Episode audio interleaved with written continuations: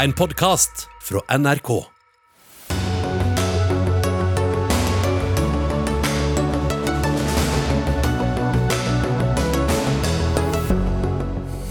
Norge fikk for få timer siden ny forsvarsminister og ny kommunalminister etter Odd Roger Enoksens fall i helgen. Er det nå rolig i Senterpartiet fremover? Storbritannias mektige statsminister har fått bot etter å ha deltatt på ulovlig fest da landet var koronastengt. Igjen ropes det på hans avgang. Nordmann fra Leger uten grenser hjelper sivile i, den, sivile i den ukrainske storbyen Kharkiv, forteller om svært store skader. Og stemmen som sa stafett er stafett og brakte limericken inn i sportskommenteringen, har stilnet. Dagsnytt 18 minnes Jon Hervik Karlsen. Ja, riktig god tirsdagskveld. Jeg heter Espen Aas. Og for dere som eh, følger med i nyhetene, har fått med dere at det har vært en T-baneskyting i New York. Det starter en pressekonferanse der om eh, saken om noen få minutter. Det vi vet så langt er at åtte personer er skutt, minst 16 er skadd. Dersom det kommer frem nyheter på den pressekonferansen, så skal vi bringe de videre. Men vi starter med hjemlige forhold. For etter nesten seks måneder ved makten så utnevnte statsminister Jonas Gahr Støre i dag ny forsvarsminister og ny kommunal- og distriktsminister. Dette skjer i kjølvannet av at Odd Roger Enoksen trakk seg som forsvarsminister etter avsløringene i VG i helgen om hans seksualiserte forhold til en 32 år yngre kvinne, et forhold som startet i 2005. Dermed ble mannen som i går satt her i studio som kommunal- og distriktsminister, Bjørn Arild Gram, flyttet inn i Forsvarsdepartementet, mens Sigbjørn Gjelsvik eh, flyttes fra Stortinget og inn i Bjørn Arild Grams jobb. Alle involverte kommer fra Senterpartiet. Forsvarsminister Bjørn Arild Gram, eh, som nevnt er jo bakteppet Enoksens fortid. og Kanskje derfor ble det ekstra mange spørsmål på pressekonferansen i dag rundt en famøs melding som ble sendt til tidligere partileder Liv Signe Navarsete i 2016. Teksten var 'Vi har lyst på fitta di'. Grunnen til at du fikk mange spørsmål, var at du var en av flere deltakere på en hyttetur der meldingen skal ha blitt sendt. En annen var din statsrådkollega Ola Borten Moe. Du har avvist for lengst at du sendte den meldingen. og ja. Det er også slik at du fortsatt ikke vet hvem som gjorde det. Nei, jeg vet ikke. Er ikke det litt rart? Det kan hende, men eh, sånn er det. Og det, det, å si til den saken er jo at det er, det er bare lett og trasig at eh, Liv Signe Navarsete fikk en sånn melding. Det er jo, det er jo bare å være lei seg for det og beklage, men jeg, jeg kan ikke bidra noe mer med, til å oppklare saken på noe vis. Det som har skjedd, har skjedd, og det har sagt det jeg vet om det. Mm. Eh, men har du aktivt forsøkt å finne ut av det? Nå fikk jo den saken da den kom opp i 2018 eh, nokså omfattende både omtale og prosesser knytta til seg da, i partiet og, og, sånt. Så det er klart det var et ønske å få det oppklart og sånn sett få, få skvære opp om den saken. Men eh, jeg har bidratt med det jeg kan. Mm.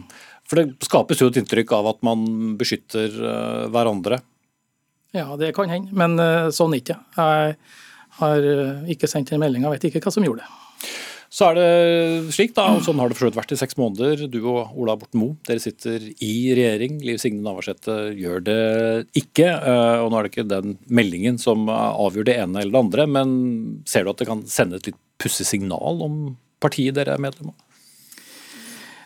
Jeg ser ikke helt den koblinga. Eh, Liv Signe Navarsete gikk ut av, fra Stortinget nå etter å ha sittet i mange år, gjort en kjempejobb for partiet er jo nå oppnevnt i, i forsvarskommisjonen på vegne av, av, Senterpartiet, så jeg regner med at jeg også vil, vil ha dialog med hun i, i, forbindelse med det arbeidet. Mm.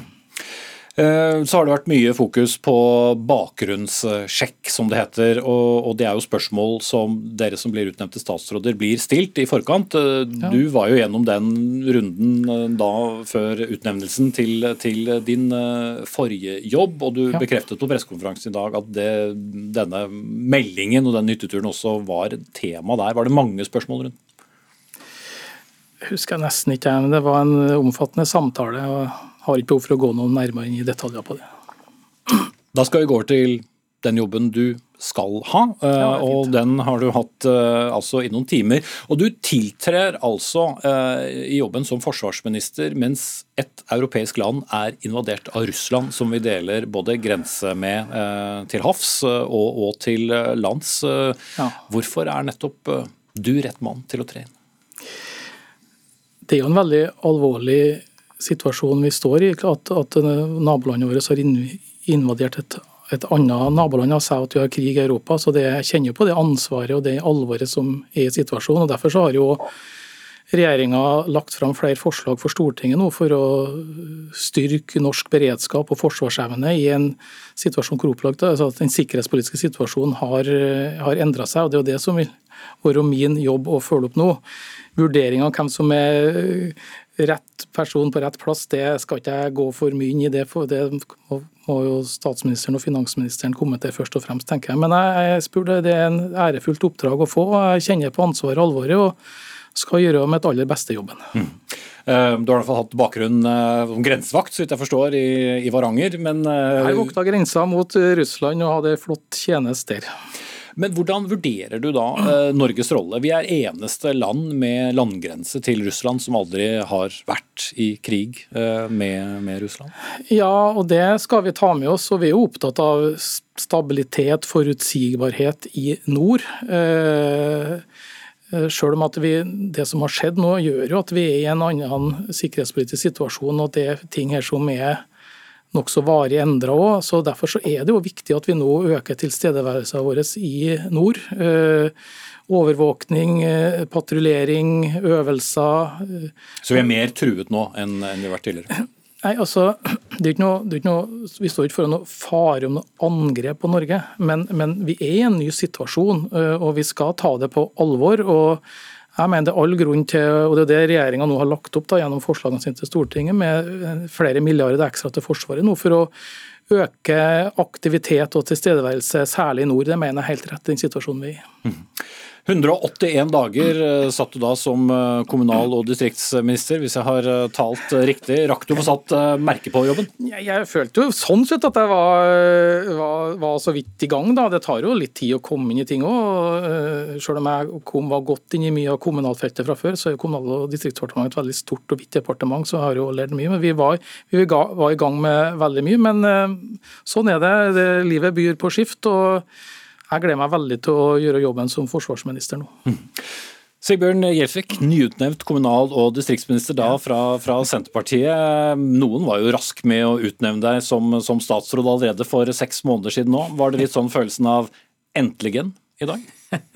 Jeg setter utrolig stor pris på den tilliten som, jeg- som jeg har fått fra, fra statsministeren og eh, Trygve som partileder i, i Senterpartiet. Og, altså, selvsagt et, et stort ansvar, en stor ære, men framfor alt en fantastisk mulighet. altså Det å kunne kunne bestyre det departement som, eh, som Bjørn Arild har gjort eh, fram til eh, i dag, på et område som, altså, der du har noen av hovedprosjektene til regjeringa, altså knytta til det å, å utvikle Tilbakestille fylkeskommuner som er slått sammen?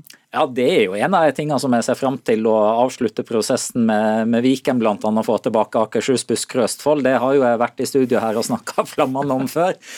Men, men ikke minst det å altså, utvikle hele Norge, sørge for gode tjenester nær folk, sørge for å lytte til folk istedenfor den sentraliseringspolitikk som har vært. Og så eh, det som Bjørn Arild har starta opp med arbeid med distriktsmelding. Det er noen fantastiske muligheter som vi har. Og så er jo koblinga mellom det som Bjørn Arild nå jobber med i, i Forsvaret, og som, som jeg skal jobbe med i, i Kommunaldepartementet. Altså den, den eh, ekstra forferdelige eh, krisa og krigen i Ukraina. Eh, alle de som er på, på flukt fra grusomme krigshandlinger, krigsforbrytelser. Det å ta imot dem i Norge på en, på en god måte, det blir en viktig del av oppdraget umiddelbart. Hvor mange inngående spørsmål eh, fikk du om eh, du hadde noe i din fortid som kunne være viktig for fremtiden, sett i lys av helgens begivenheter? Det var en eh, veldig omfattende samtale med et stort alvor. altså Først en, en samtale med, med statsministeren, og, og, i forlengelsen av det en, en veldig omfattende samtale med, med hans stabssjef.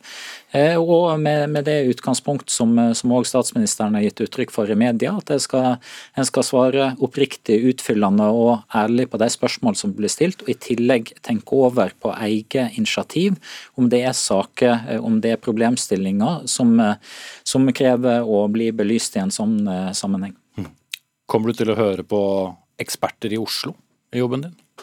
Jeg kommer til å lytte på eh, dyktige folk over hele Norge. Eh, og Det som jeg tror veldig ofte en glemmer, er jo at eh, de virkelige ekspertene, hvem er de? Jo, det er jo de som lever livet rundt forbi både bygd og by rundt forbi Norge, eh, som kjenner hverdagen, kjenner problemstillingene, og som det er viktig å lytte til. Lytte til lokalsamfunnene, lytte til kommunene. Gi dem både handlingsrom, sørge for å gi dem større myndighet, selvsagt òg økonomisk eh, slagkraft, som eh, regjeringa starta med allerede i høst med å prioritere kommuneøkonomi. Store, fantastiske muligheter til et godt samarbeid med landets kommuner. Skulle tro det kom fra Senterpartiet. Og det gjør det jo. Sigbjørn Gjelsvik, ny kommunal- og distriktsminister, og også nyutnevnt forsvarsminister Bjørn Arild Gram. Vi sender dere ut, og ser dere nok her eh, snart eh, igjen, vil jeg tro. Vi skal knytte et par kommentatorer til dagens eh, utnevnelser. Erik Mosveen, politisk redaktør i Avisa Oslo, og Skjalg Fjellheim, politisk redaktør i Nordlys. Begynner med deg, Mosveen. Hvor oppsiktsvekkende valg var herrene Gram og Gjelsvik? De var ganske lite oppsiktsvekkende. Dette er jo solide navn uh, i Senterpartiet som har lang erfaring, begge to. Så jeg tror ikke det er noen som på en måte ble veldig overraska over det. De har litt forskjellig profil.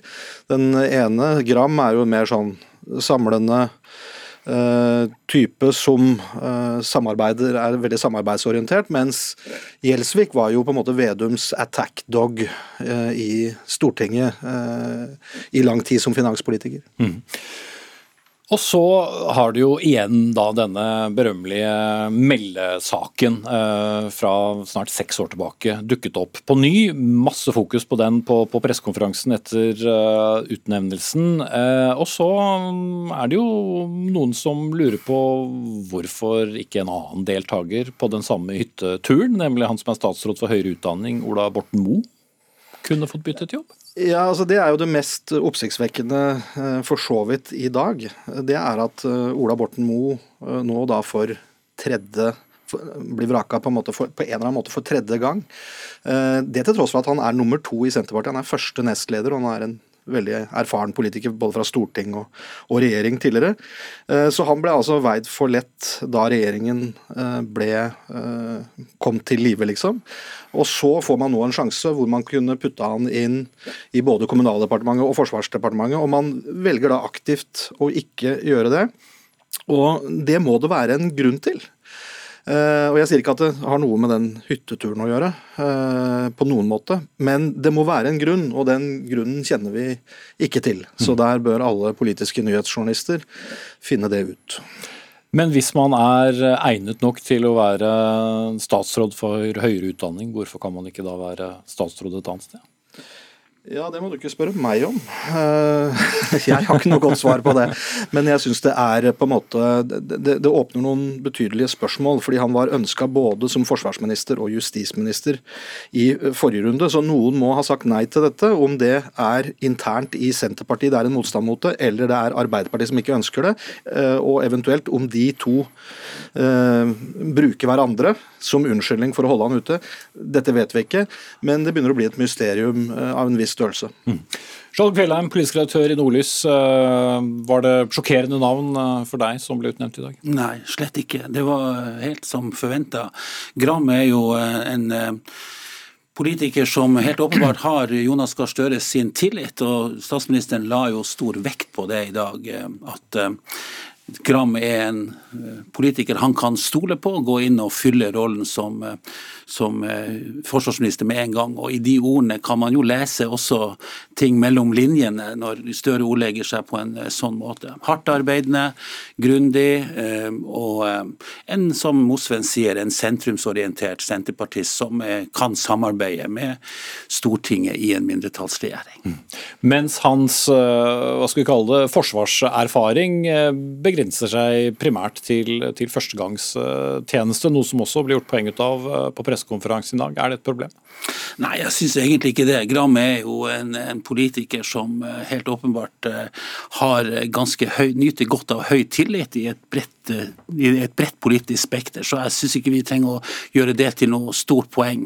Det som er viktig nå, er jo at vi får ro og stabilitet rundt denne utrolig viktige statsrådposten for Norge. og Det var kanskje litt spesielt at så mye av oppmerksomheten i dag handla om en seks år gammel SMS, og ikke de enorme utfordringene som Gram tross alt står overfor. Forsvaret står jo midt i en enorm eh, omstilling der man skal gå fra å ha drevet med utenlandsoperasjoner i mange, mange år, og til å ha fokus på territorielt eh, forsvar av vårt eget land. En svær operasjon som Gram nå blir satt til å lede. Mm.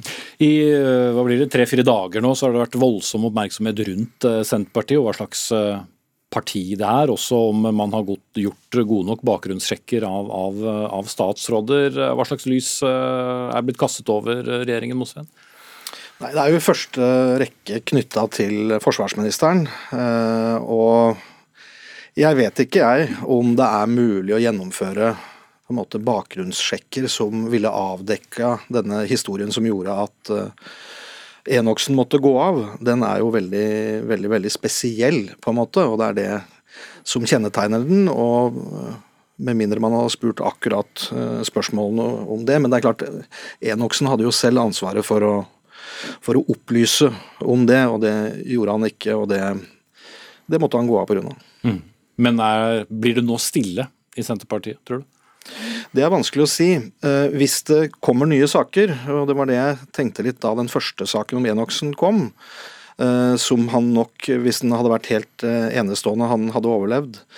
Men den innvarsla kanskje at her var det et mønster. Og det viste jo seg da å, å stemme. og jeg tror man skal være veldig forsiktig med å spå at det ikke kan komme nye saker. Det har vært nok av overraskende saker når det gjelder pendlerboliger også, som, eh, som har kommet. Eh, som man skal aldri Vi mennesker er, har en egen evne til å gjøre dumme ting. Uh, og det, det kommer ikke til å slutte med. Det er grunn til å tro at det er genetisk. Og det kommer nok også i framtida. Nyhetsjournalister vil ha nok å gjøre, og folk som er politisk interesserte vil ha ting å forundre seg over til eh, langt inn i framtida. Mm. Norge må uh, følge med på en krig i Europa. Vi har uh, forsøkt å avslutte en pandemi, og så har vi hatt statsrådavganger og mye uro både mot folkevalgte og utnevnte statsråder. Har det preget politikken for mye, Fjellheim?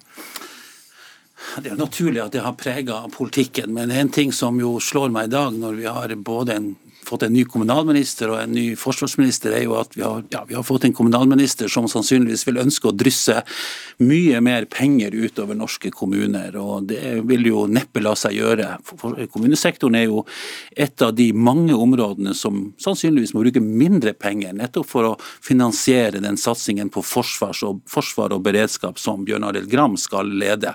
Så det er ikke, slett ikke sikkert at det blir noe fest for Sigbjørn Gjelsvik å lede dette kommunaldepartementet departementet fremover. Og han får jo også alle disse fylkesinndelingssakene og regionreformen midt i fanget, så han har også en krevende tid foran seg. Mm. Vi kom ikke lenger nord enn Trøndelag da du ble utnevnt ny forsvarsminister. Var det trist for deg som uh, gjerne taler Nord-Norges sak? Nei, absolutt ikke. Jeg syns at postadresse og, og uh, geografi, tilhørighet, er temmelig underordna i en situasjon der vi har en, eh, et bakteppe er en alvorlig, blodig krig i eh, Europa. og Da må vi gå etter de statsrådene som er best kvalifisert og kan gjøre en best mulig jobb, og ikke hvor i landet de bor, tenker jeg. Du holder normalt til i Tromsø. Skjalg Fjellheim, politisk redaktør i Nordlys. Erik Mosveen, politisk redaktør i Avisa Oslo. Ingen premie for å gjette hvor den avisen er. Takk skal dere ha.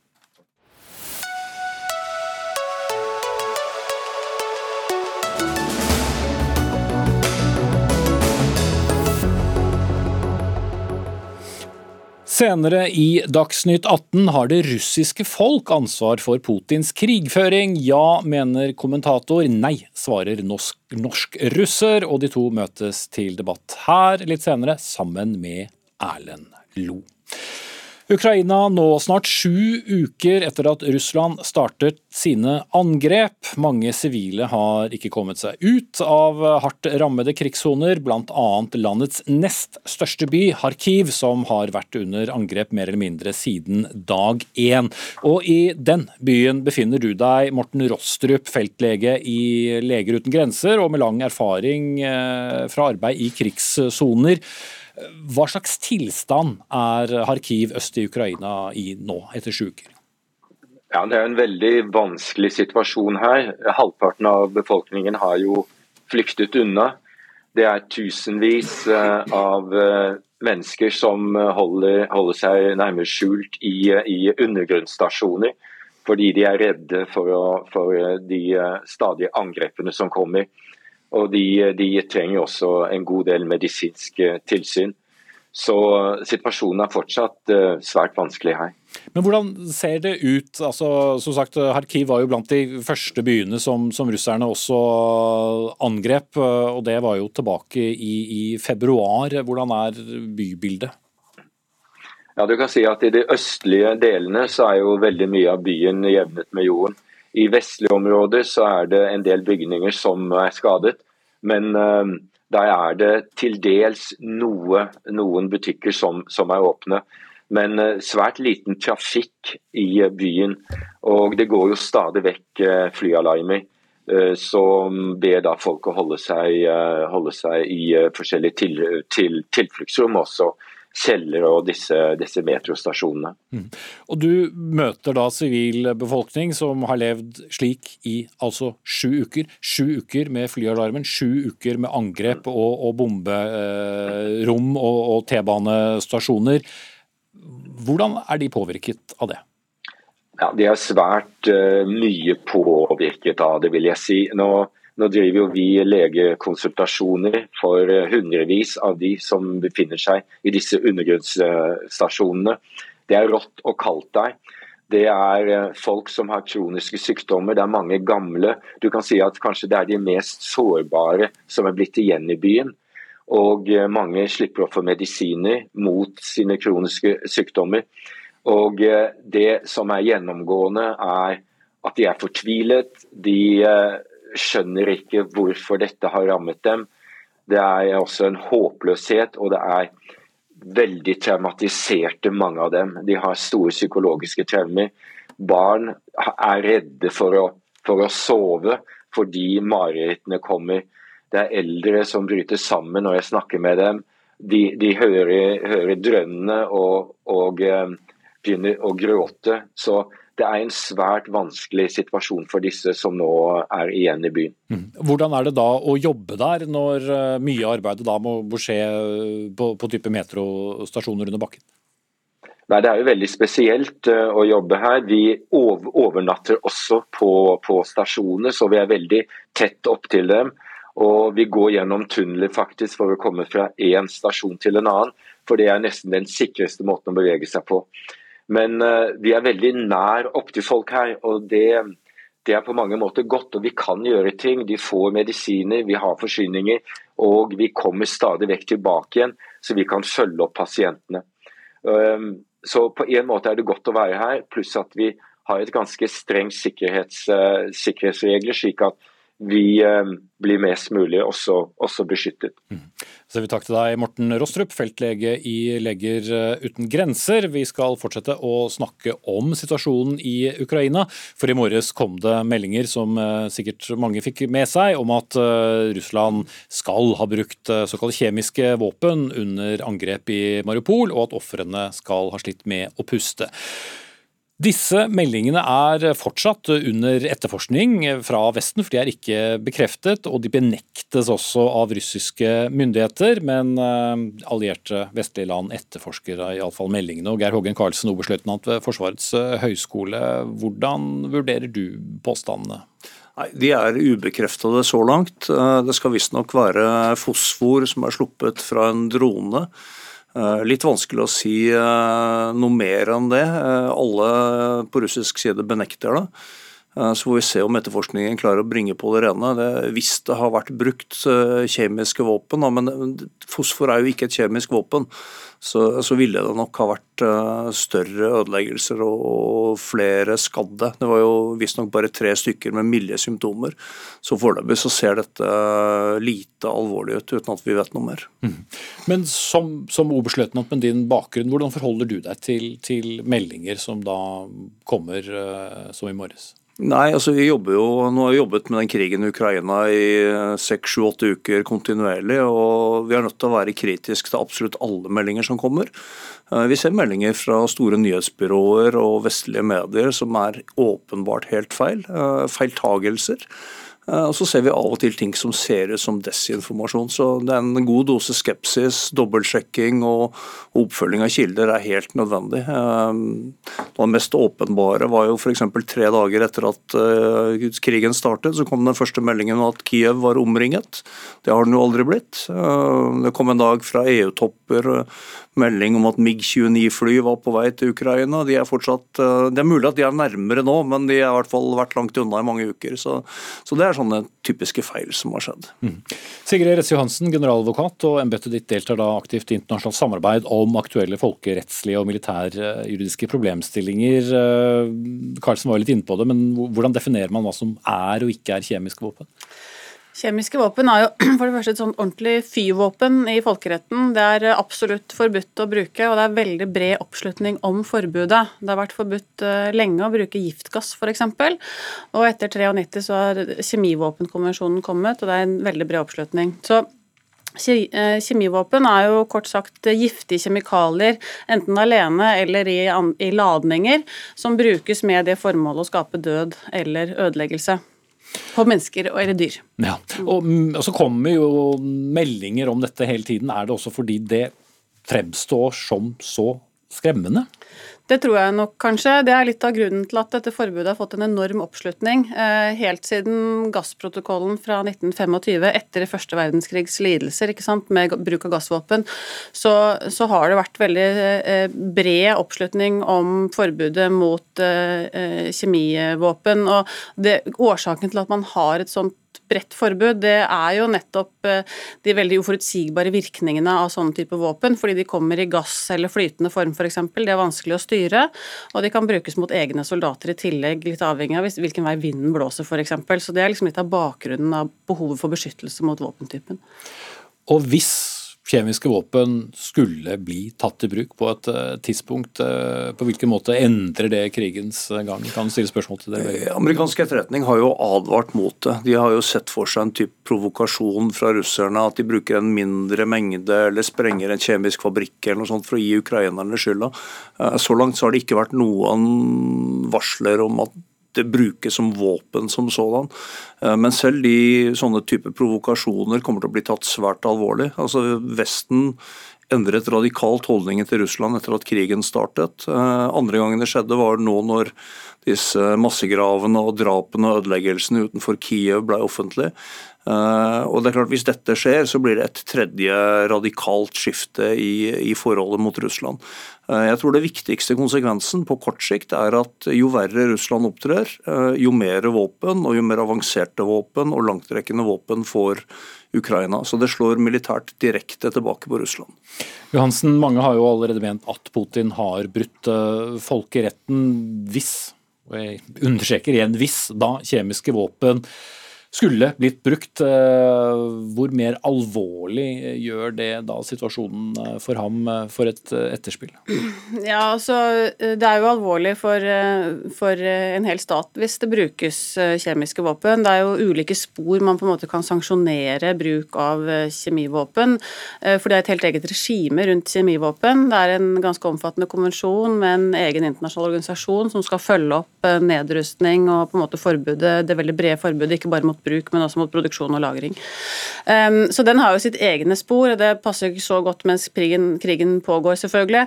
Uh, I tillegg så vil jo, hvis det er en stat som har iverksatt bruk, så vil staten kunne være ansvarlig, rett og slett som stat. Og så er det jo individ, individer som kan holdes ansvarlig eh, for forbrytelsen det er. Og det er en krigsforbrytelse å bruke eh, giftige gasser. Takk skal dere ha, begge to. Sigrid Retz Johansen, generaladvokat, og Geir Hågen Karlsen, oberstløytnant ved Forsvarets høgskole.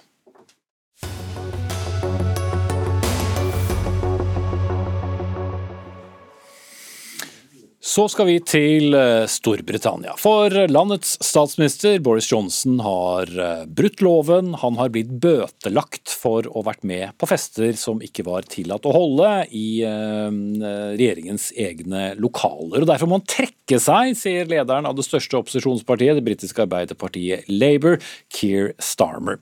For den britiske statsministeren og også hans finansminister har begge fått bøter i dag. Kjetil Widesvang, kommentator i Dagens Næringsliv, du følger Storbritannia Storbritannia tett. At eh, opposisjonen nok en gang krever Boris Johnsons avgang, er i og for seg ikke så overraskende. Men eh, man spør seg jo stadig kan han overleve nye og nye omdreininger, og, det at han faktisk nå får en bot av politiet? Han er en mann med historisk flaks, og du kan jo si at den boten han nå får, regner jeg med at det er på 60 pund, vel? Det er standardutgaven. Halvparten av det igjen hvis han betaler innen 14 dager. Og Det er jo et stykke unna de 20 000 Erna Solberg fikk, og hun var ingen som ba henne, henne å gå. Eh, jeg vet ikke, men det virker jo litt sånn puslete med et par pils i bakhagen målt mot det som skjer i verden nå, så noe umiddelbart tror jeg ikke det kommer til å skje, nei. Så du vil mer fremstå som umusikalsk, at flere opposisjonspartier er, er mer opptatt av en, en mindre bot fra, fra politiet enn noe mer, noe mer, komplisert, fordi han har jo forsikret gang på gang i parlamentet om at det ikke fikk, eh, foregikk noe lovstridig under disse festene som da skjedde under nedstengningen i den første covid-perioden. Men eh, så syr jeg vel dette overlever han nok, men så kommer det tider etter dette. da. Altså, Ikke foreløpig, men når ting roer seg ned, så kan det bli vanskeligere igjen. Mm. Lederen for eh, Liberaldemokratene, som tilsvarer Norske Venstre, har jo ment at uh, nå må parlamentet uh, kalles inn igjen, og, at man rett og slett må ha en avstemning om hvorvidt man har tillit til, til, statsministeren. Men i motsetning tidligere så står han vel nå sterkere enn han ville gjort f.eks. før krigen i Ukraina? Ja da, altså det er klart en mann har flaks. Eh, Storbritannia opplever den verste økonomiske nedgangsperioden, det største fallet i levestandard på 70 år eller noe sånt. Nå. Ikke økonomene i eh, Johnsons egen regjering knytter til brexit. Men så kommer da pandemien, og så kommer eh, prishøyningene eller prisforhøyelsene, og så blir det litt vanskelig å si hva som er hva. Og det samme nå, nå drukner dette en del i krigen. Og eh, du kan jo si om mannen altså Hans store helt er Vincent Churchill. Han skrev biografi om mannen. og Han var heller ingen god politiker i fredstid, men han funket ganske bra da det braket løs. og det, Kanskje man ser andre kvaliteter i ham. Mm. I hvert fall veldig mange politiske liv. Takk skal du ha, Kjetil Widsvang, kommentator i Dagens Næringsliv.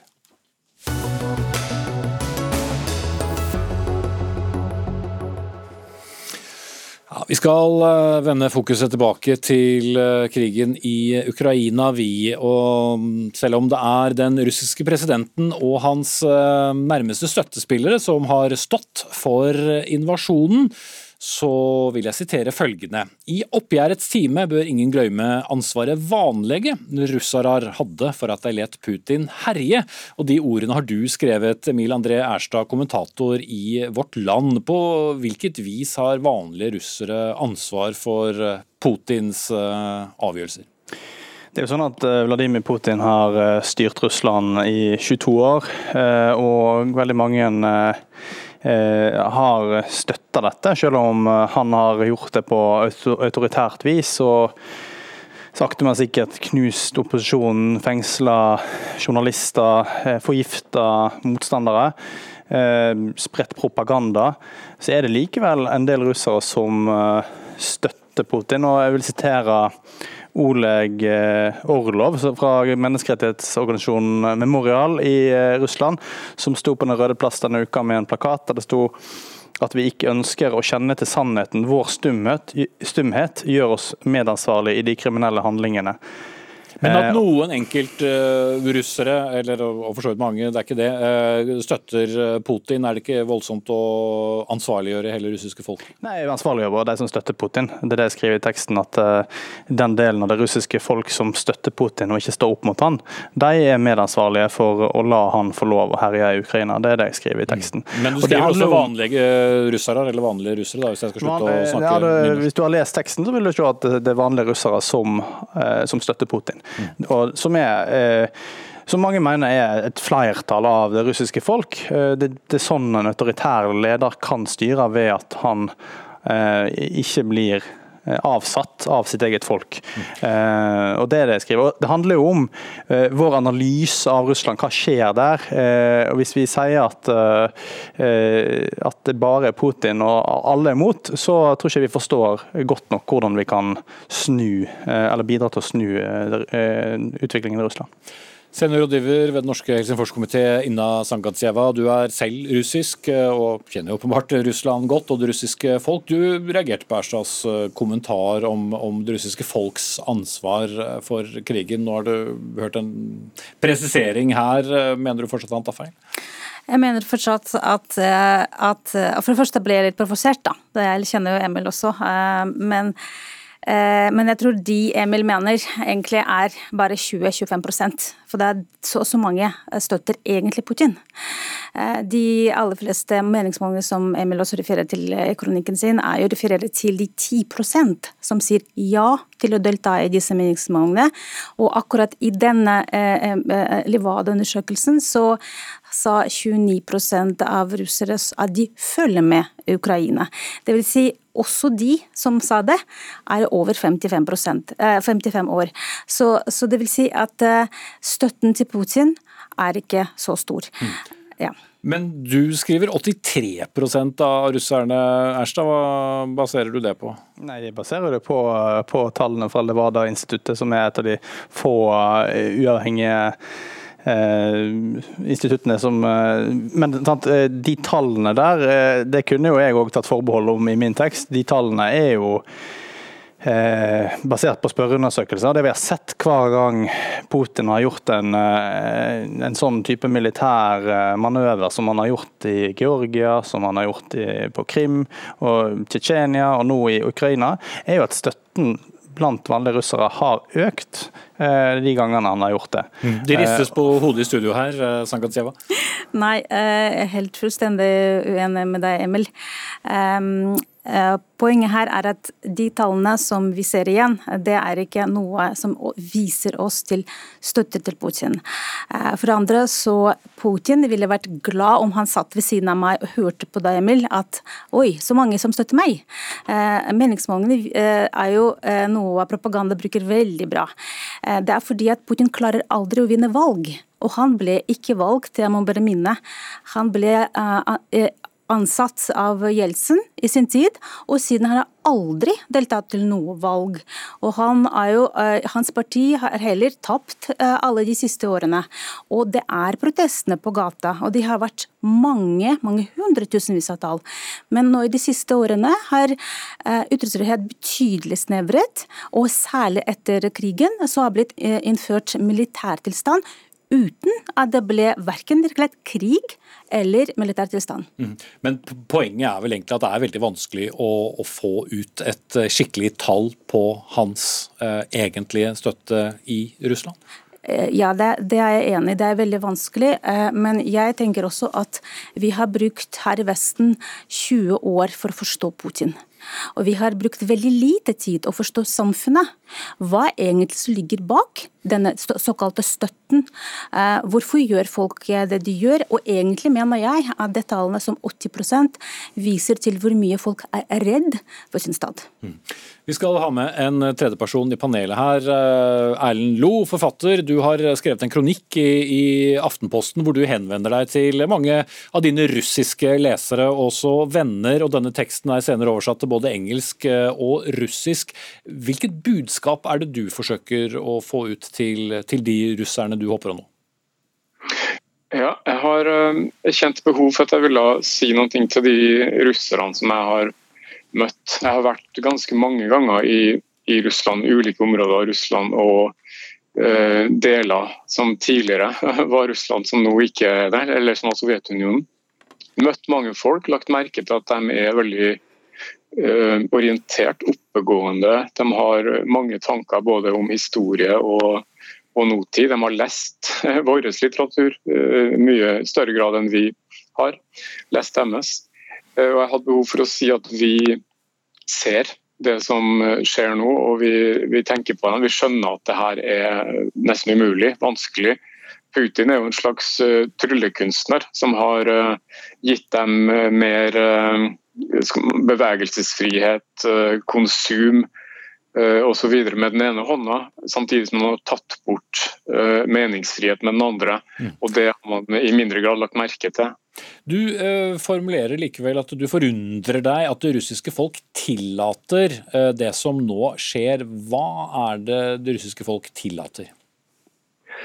Nei, det der er jo utrolig vanskelig. Altså, hva, hva skal de gjøre? De eh, er omtrent bundet på eh, hender og føtter. Folk som eh, protesterer blir jo tøva inn satt inn. Til dels strenge straffer ser vi jo og leser om hver dag. Men det er klart at de har en veldig vanskelig situasjon nå. Mm. Hva de skal gjøre er umulig å vite. Og det å stå opp mot regimet Sangatseva, det koster? Eh, det koster eh, absolutt, og folk blir jo også utsatt for tortur. Det er jo veldig mange nå i siste, siden 24.2, over 20 000, til tross for alle disse lovene som ble innført. Allikevel kommer folk ut på gata. Men jeg vil bare legge til, til Emil. Jeg som russisk statsborger tar mitt ansvar. Absolutt. Jeg føler meg absolutt medansvarlig i det som skjer. Men la oss snu det og gå og ta ansvaret til noe positivt. La oss eh, ta dette som en gjennomgang. Russland må gjennom den, eh, den korridoren for å komme ut på andre siden som en ny stat, en ny start og en ny stat. Uh, Istedenfor å egentlig komme med beskyldninger som Russland, russer egentlig flest har ikke ansvar i. Mm. Jeg må jo stille deg spørsmålet. da, Erstad, hadde, hadde, du risikert uh, det mange russere risikerer ved, ved å stå opp mot uh, presidenten? Jeg håper det. Eh, nå vet jeg jo at det ikke er russere som Inna som er problemet her. Eh, og veldig mange andre modige mennesker, som Oleg Orlov fra Memorial og, eh, og Novaja Gazeta og alle disse modige menneskerettighetsforkjemperne i Russland. Så det finnes jo folk som gjør det, men det er for få som gjør det. Og det er den eneste veien framover for Russland. Det er at folk tar til gatene og uttrykker i stort nok monn til at sikkerhetsapparatet til Putin ikke klarer å slå det tilbake. Og så lenge den tause eh, majoritet ikke gjør det, så, så, blir det ikke forandring i Russland. Så, men klart, det, det er Vi må anerkjenne at det er farlig. Folk opplever å bli drept, folk opplever tortur. Det, det er klart, det skal vi ikke kimse av.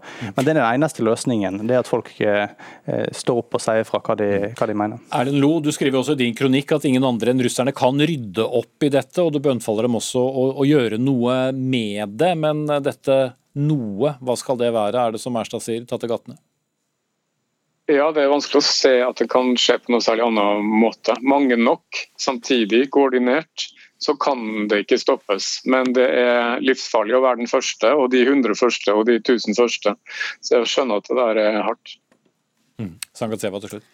Eh, jeg vil også understreke siste, at eh, når Emil spør hva russerne har gjort eh, for å, ta, kjempe mot Putin, hva har Vesten gjort for å gjøre det samme? Det er her i Vesten han har fått ressurser til å få gjort, for å gjøre det han gjør. Det er her korrupsjon har blomstret, det er her i Vesten hans nærmeste har fått lov til å nesten herre som de vil. Og det ansvaret også ligger på oss alle sammen, så la oss bruke tid til å tenke på det òg. Takk skal dere ha. Inna Sankatseva, seniorrådgiver ved Norske Helsingforskomité, kommentator i Vårt Land Emil André Erstad og forfatter Erlend Loe.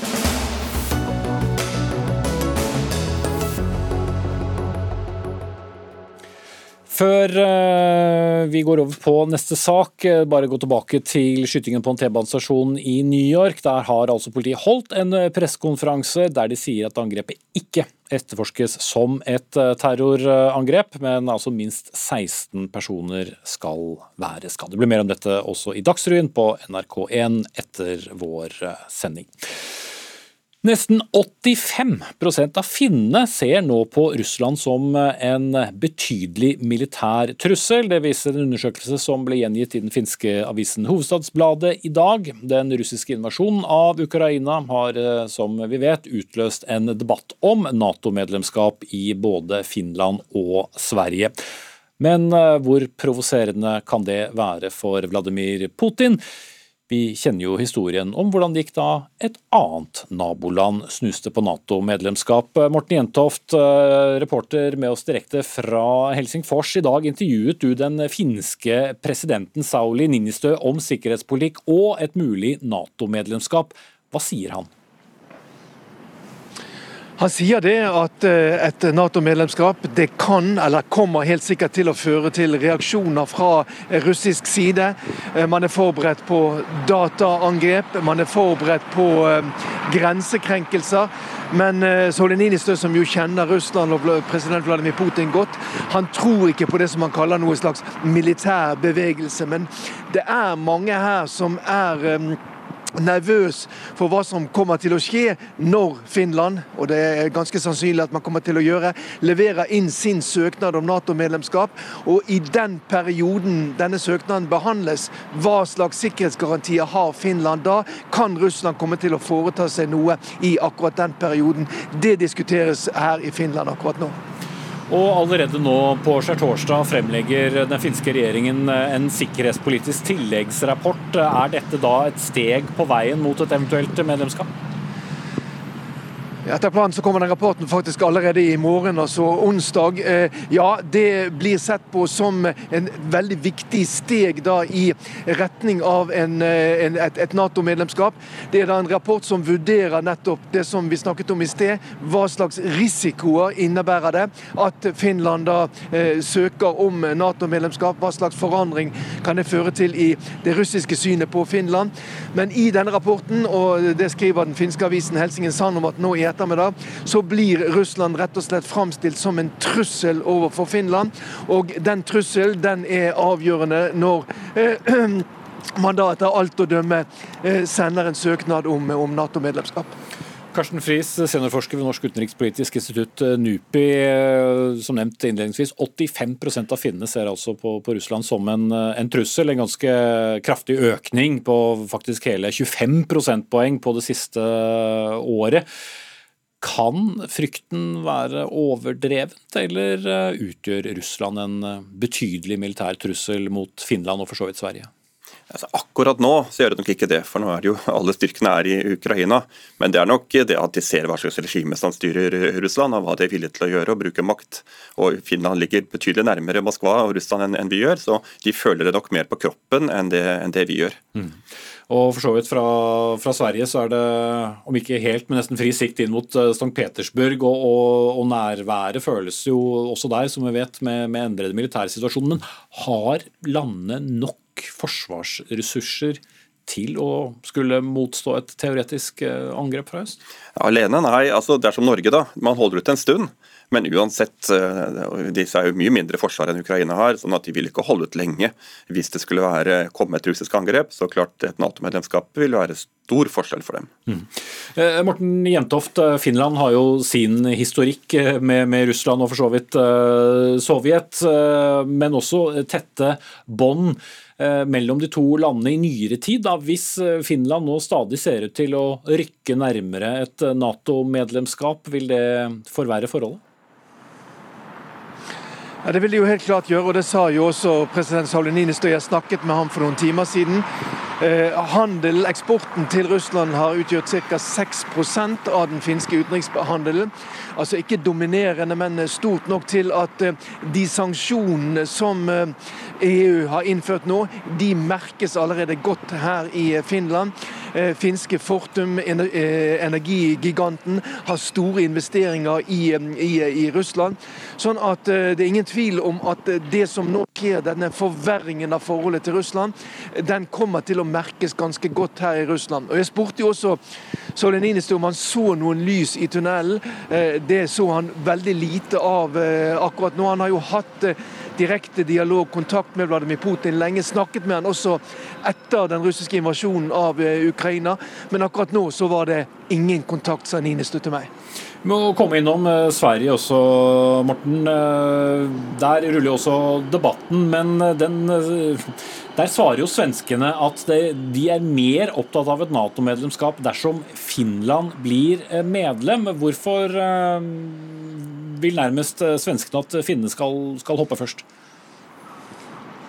Ja, Det er jo veldig interessant det som skjer nå, den dynamikken som er mellom Finland og Sverige. Det var et stort, litt hemmelig møte her i Helsingfors i forrige uke. Næringslivsledere, politikere fra Sverige var på besøk. Den finske presidenten var også til stede. Svenskene eh, følger veldig nøye med i det som skjer her i Finland. Jimmy Åkesson i Sverigedemokraterna, det populistiske høyrepartiet, han sier jo det at en finsk eh, eh, Nato-søknad ja, den er nødt til å følges opp av Sverige. Sånn at det er helt klart at det som skjer her i Finland er veldig viktig for det som skjer i Sverige. I morgen så drar den finske statsministeren Sanna Marin til Stockholm for å møte den svenske statsminister Magdalena Andersson. Og Det blir jo interessant å se hva de to kommer fram til. Finnene er nok veldig ivrig etter å informere, holde svenskene orientert hele tiden. Og De svenske sosialdemokratene, som jo seiler høyt på meningsmålingen akkurat nå, følger nok veldig veldig nøye med også på det som skjer i, i, i Finland. Jeg tror det blir veldig vanskelig for Sverige å sitte på gjerdet hvis finnene bestemmer seg for å søke om Nato-medlemskap. og den finske presidenten presidenten Sauli Niinistö sa i dag at dette kommer til å skje fort hvis når prosessen settes i gang. Karsten Friis, eh, denne debatten har jo vært der lenge, men det tiltar veldig nå pga. sikkerhetssituasjonen og det som skjer i, i, Ukraina. Men er ikke det nærmest om å rope at noen må komme med en, en redningsvest idet man har hoppet i vannet og ser at man ikke svømmer så godt selv? Eh, jo, derfor er det viktig å, å, benytte anledningen nå. Altså nå, nå, er det et vindu, og nå har man en, en politisk bekymring for det som kan skje i framtiden. Eh, men, men, eh, det er ikke sånn at, at, det er noe fare for angrep på Finland eller Sverige i morgen. Så dette er en langsiktig strategisk beslutning om hvilken vei man skal orientere landene sine i, i årene som kommer. Men hvis Nato skulle utvides også den veien øst, så må jo russerne forholde seg til det. Det må de, og, og det utgjør jo ingen trussel mot Russland at Sverige og Finland er medlemmer av, av, av Nato. Det er bare i en tilfelle krigssituasjon at Nato selvfølgelig vil kunne, kunne komme nærmere. Men, men vi, vi, må ikke, vi, må ikke, liksom la oss kjøpe av den retorikken som vil komme fra Moskva om det her. Sverige og Finland har ingen planer om å angripe Russland på noen som helst måte. Mm. Takk skal du ha, Karsten Friis, seniorforsker ved Norsk utenrikspolitisk institutt, NUPI, og vår egen reporter i Finlands hovedstad Helsingfors, Morten Jentoft.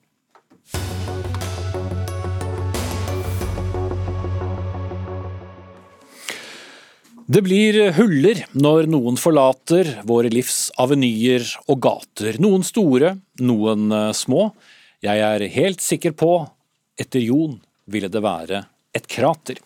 Denne limericken, skrevet av Per Sørensen, eller Norigarden, er en siste hilsen til mannen som har vært eh, en av fortellerstemmene i norsk idrett gjennom 45 år. Kjent for limerick, engasjement og god timing, og kanskje en av Norges aller fremste sportsformidlere. Jon Hervik Karlsen døde på søndag. Andreas Stavrun Smith, kommentator her i NRK Sport, og også tidligere medkommentator med, med Karlsen. Han eh, ble bl.a. kjent for uttrykket 'stafett er stafett'. Eh, hvordan var det han jobbet med, med språk og kommenteringen? Tror, eh, det, han er jo, Bakgrunnen hans, han var jo lærer, så han hadde enorm kunnskap i bånn for alt han gjorde.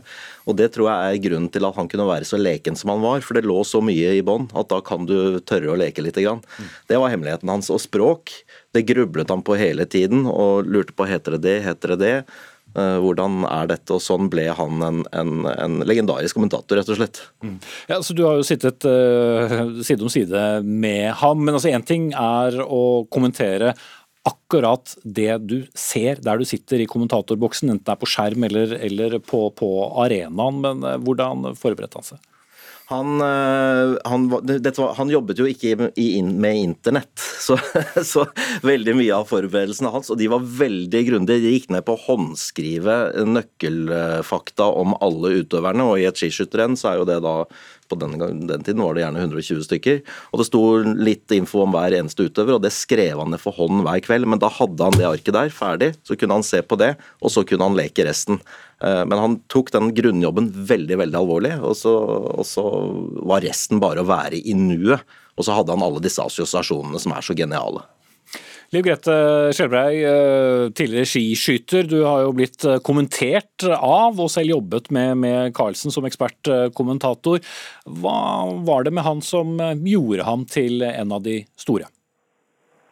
Han var så, så varm og kunnskapsrik og godt humør. Jeg husker jo første møtet mitt med, med Jon Helvik. Da hadde vi vunnet en nakenkonkurranse. Veldig usikker på om vi skulle fortsette med skiskyting. Og så plutselig så kom han inn og kledde seg ut som en, eh, seg ut som en servitør. Og serverer oss kanskje glass med champagne. Og den kvelden den glemmer jeg aldri. Og det var en stor motivasjon. Og tenkte dette, dette var så gøy at dette er nødt til å være med på. Det ville være overdrevet å si at vi har spesielt god lyd til deg, eh, Skjelbrei. Jeg går innom deg, Stabrun eh, Smith igjen. Altså dette med, med, skiskyting. Jeg har selv forsøkt å forklare utlendinger eh, f.eks. briter, eh, skiskyting, som for mange fremstår som en veldig pussig eh, sport. Og det var jo ikke noen allmannssport heller, nødvendigvis. Men hva var det Jon Hervik Karlsen gjorde for å gjøre dette mer allment? Her tror jeg vi må trekke inn eh, Kjell Kristian Rike også. De to som duo hadde veldig tro på den sporten. Og deres glød for den idretten gjorde at den på en måte vokste fram og ble satset på. Og eh, der var det nok et tettere samspill mellom media og idretten enn det kanskje er i dag. Media var mer, de var med rett og slett å dra å dra hele lasset. Eh, og skiskytingen eh, har alt å takke Jon Hervik Karlsen for. Mm. Og, og Skjelbrei, eh, under Lillehammer-OL i, i, 1994, som jo begynner å bli en liten stund siden, så, så var jo, som antydet da, skiskyting ikke, ikke, en så stor sport. Og hvordan syntes du han preget den? Du har jo fått kommentert en rekke renn av ham selv. Ja, eh, jeg likte godt å høre på han, fordi at du blir liksom dratt inn i TV-ruta når han sitter og kommenterer, og satt og hadde både den der eh, gode blandinga av eh, kunnskap, humor og seriøsitet i det han drev med. Så Det syns jeg var veldig fascinerende og inspirerende med Jon Hervik. Det var, det var akkurat den der eh, talentet som han hadde med å klare å formidle på den ekstremt gode måten som gjorde at du ble motivert og du hadde lyst til å prestere. Det jeg vil si er at, at uh, Jon Hervik Karlsson kan nok kanskje ha blitt en del misforstått av folk som ikke er, er, interessert i idrett. For Når man hører han, så tenker man at han der er jo fullstendig idrettsgæren. Sannheten om Jon er at han var ikke så kjempeinteressert i idrett. Han var innmari interessert i å formidle. Og den kunsten den kunne han så til de grader. Det er ingen som har vært i nærheten av den formidlingsevnen han har på TV, og det mener jeg virkelig. Mm. Men du, kan jeg få lov til å ta en limerick, jeg òg, eller? Vær så god. jeg har fått en spesialbestilling. På slutten, nemlig, de siste årene jeg satt med han, så var det så mange limericker at vi måtte ha flere limerickskrivere, så dette kommer fra en annen enn Nordgarden. Han heter Helge Rynning. Han rev seerne med gang på gang, skapte uttrykk som satt så det sang. Visst var Carlsen unik, og vi husker ham slik, en legende av høyeste rang. Det er jo en god del år siden han sluttet i NRK og, og, pensjonerte seg, men eh, likevel så sitter vi altså og snakker om ham eh, i dag. Hva er det viktigste du eh, tar med deg, Andreas? For meg er det de nære minnene. Vi var jo fire år sammen på tur, og alle de små stundene med samtaler og diskusjoner. Han var veldig kunnskapsrik og en helt fantastisk historieforteller. Det er det for meg. Og så har han lært meg alt jeg kan om jobben min. Det er jeg også ekstremt takknemlig for. Um, og så er han bare en, en, fyr som de, lages ikke sånn lenger, rett og slett. Jon Hervik Karlsen han hadde absolutt eh, alt. Han hadde masse kunnskap i bånn, og han turte å, å, prøve og feile, og var eh, ja, timing bare stemmen hans. altså Han hadde jo en så behagelig stemme som du og jeg og alle som jobber i TV bare kunne drømt om å ha. Det er en ren fløyel, den stemmen. Eh, så han var rett og slett helt fantastisk. Jon Herve Karlsen gikk bort på søndag. Takk til Andreas Stavrum Smith, eh, sportskommentator her i NRK, og Liv Grete Skjelbrei, med på en litt eh, rufsete linje, dessverre. Dette var faktisk eh, ukens siste Dagsnytt 18-sending. Det blir påskestille fra oss frem til tirsdag. Ansvarlig for denne sendingen, Ann Katrine Førli. Lisbeth Sellereite tok seg av det tekniske. Jeg heter Espen Aas. God påske.